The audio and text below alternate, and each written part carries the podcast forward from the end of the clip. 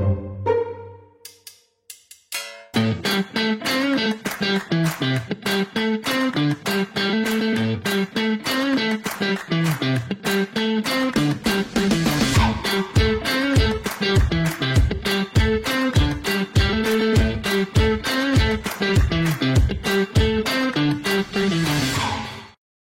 Dilimiz ve düşüncelerimizin arasında nasıl bir ilişki var? Sıklıkla dil yeteneğinin çok önemli olduğunu, kelime kökenleriyle uğraşmanın çok öğretici olduğunu ve zihnimizi genişlettiğini anlatmaya çalışıyorum. Bununla ilgili olarak özellikle genç arkadaşlarım, tabii bu uyarı kendilerine ulaştığı zaman bakıyorlar.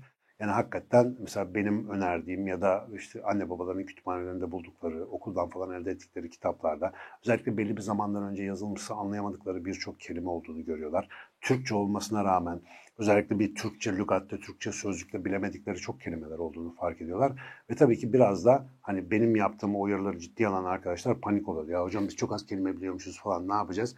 Kelime meselesi hakikaten bu kadar önemli mi? Dil yeteneğimizle düşünce yeteneğimiz arasında ne alaka var? Bunu çok uzun başka yerlerde anlattım ama konuyla ilgili yanlış anlaşılmış olabilecek bir şeyi düzeltmek üzere burada bu soru bağlamında bunu tekrar kısaca bir toparlamak istiyorum. Konu şu ki bizim zihnimiz dil ile çalışıyor. Zihnimizin yakıtı dil, lisan. Ve e, biz bunu sadece diğer insanlarla iletişim kurmak, nesnelere isim koymak ya da kitaplar yazmak için falan kullanmıyoruz. Aynı zamanda soyut düşüncelerimizi zihnimizde somut kavramlara, anlatılara, metaforlara dönüştürmek için kullanıyoruz. Metaforlar konusunda şu sol üstte çıkacak diye ümit ediyorum. Daha önce çektiğimiz bir tane video vardı hatırlayacaksınız. Soyut ve dile getirilemez kavramları benzetmeler yoluyla anlatmak gibi bir zihinsel yeteneğimiz var, dilsel yeteneğimiz var. Buna metafor kullanma yeteneği diyoruz. Benzetme yeteneği, işte teşbih yeteneği vesaire gibi. Şimdi bu yetenek sayesinde başka konularla ilgili kelimeler, boğazım düğümlendi meselesinde olduğu gibi başka konularda kullandığımız kavram ve kelimeleri soyut bir mevzuyu anlatmak için kullanabiliyoruz. Ama bu yetenek neye bağlı? Sizin kelime hazneniz ne kadar geniş ise, benzer kavramlara ait ne kadar farklı birbirine yakın anlamlı kelime versiyonları biliyorsanız, o kadar incelikli benzetmeler yapmanız, farklı durumları yüksek çözünürlükte ayırt edip anlatabilme şansınız oluyor. Bu işin kendini ifade etme ve düşüncelerini kurgulamakla ilgili kısmı. Ama çok konuşan bir adam olarak şöyle bir şeyi hatırlatmam lazım. Doğrudan dil yeteneği düşünme becerisini belirlemiyor arkadaşlar. Şöyle anlatmaya çalışayım. Bizim düşünsel alemimiz biraz böyle kuantum fiziğindeki o gözlem yapılmadan önce her türlü ihtimale açık olan atom altı parçacıkların dalga durumlarına benziyor. Bizim zihinsel halimiz, zihinsel akışımız sözsüz, kelimesiz, soyut, duygusal, sezgisel kavram çorbalarından oluşuyor aslında.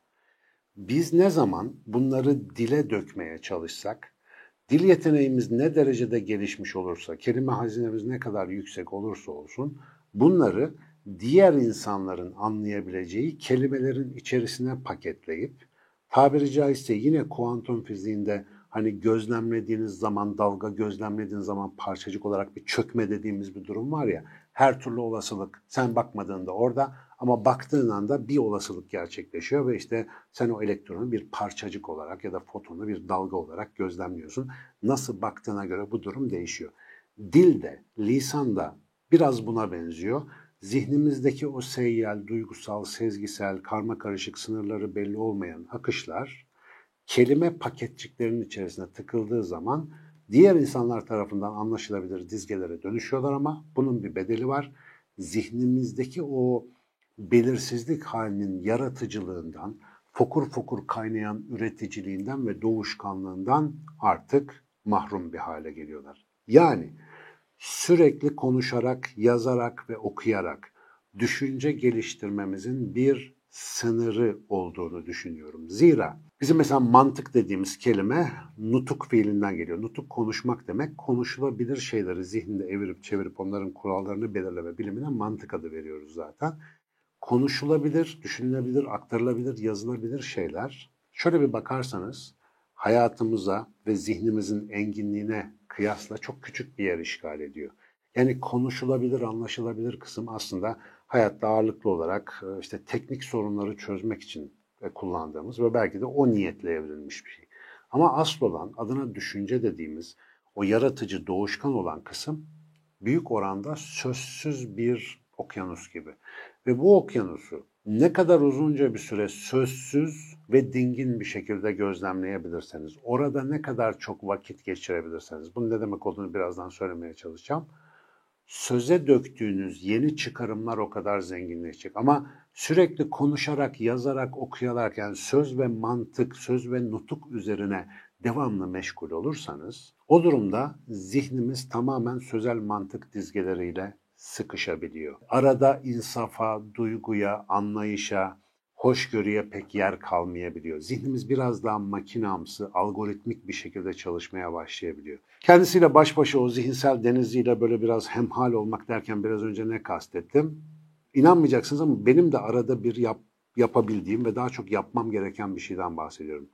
Sessizce oturmak, hiçbir şey yapmamak, kendini dinlemek, dinlerken kendine tanık olmak ve yargılamayı bir süreliğine bir kenara bırakmak. Yani aklımdan geçen bu düşünce şu demek, şunu şöyle ifade edebilirim.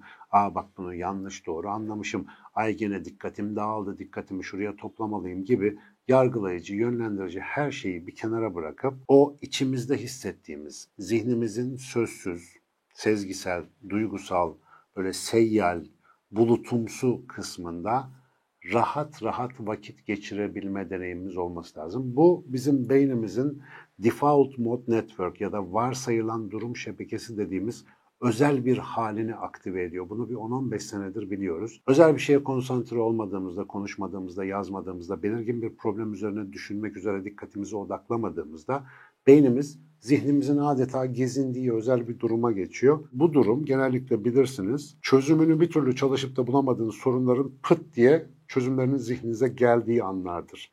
Genellikle tuvaletteyken, duş alırken, otobüs beklerken, alakasız mutfakta işte soğan doğrarken falan aklınıza parlak fikirler gelebilir. Çünkü o sırada zihniniz özel bir işe konsantre değildir ve gezmektedir.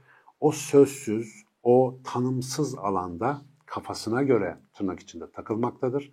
Ve buranın o doğuşkan, yeni bağlantılar kuran, bizim bilincimizden bağımsız olarak arka planda yapılandırıcı bir şekilde çalışan potansiyeline ancak böyle durumlarda ulaşabiliyoruz.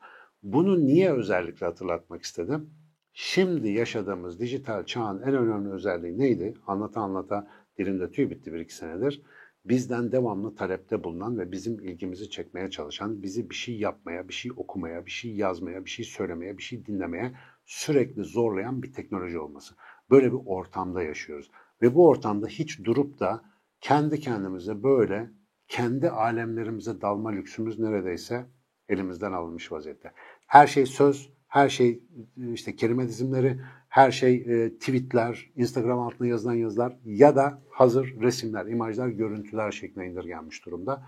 Bunların tamamı zihnimizin enginliğine kıyasla son derece nasıl diyelim düşük kaliteli, küçük hacimli, düşük kapasiteli paketçikler gibi düşünüyoruz. Zihnimizin esas kısmı, bizi insan yapan o sezgisel, duygusal, işte o deniz ve okyanusa benzettiğim kısmı çok daha doğurgan, çok daha fazla şeyler üretebilme potansiyeli taşıyan, adeta sonsuz olasılığı içinde barındıran bir hazine gibi. Çok fazla söz o hazinenin kısıtlanmasına sebep olur. Ne kadar çok söz bilgisi o hazineye o kadar fazla ulaşabilme şansı verir.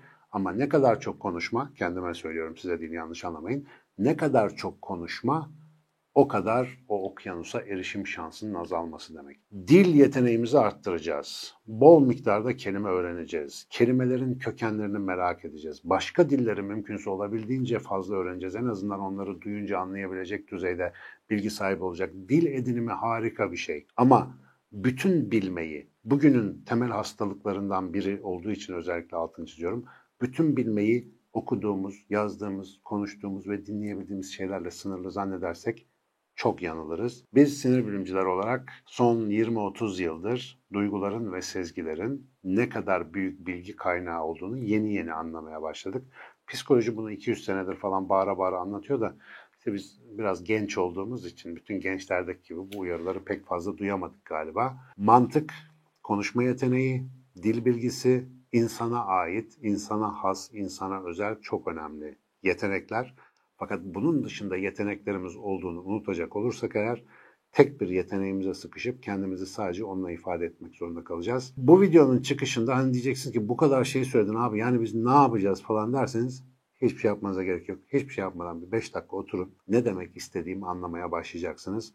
Bir kere 5 dakika oturmanın ne kadar zor olduğunu fark edeceksiniz ama 5 dakika oturabilen arkadaşlar abi içeride ne çok şey varmış ya Allah Allah falan diye daha fazlasını talep etme konusunda ciddi bir istek duyacaklar. Bundan çok eminim. Lütfen bana inanmayın, bir deneyin. Bakın bakalım sözümüz ne kadar sorunu çözebiliyor, özümüz ne kadar sorunu çözebiliyor.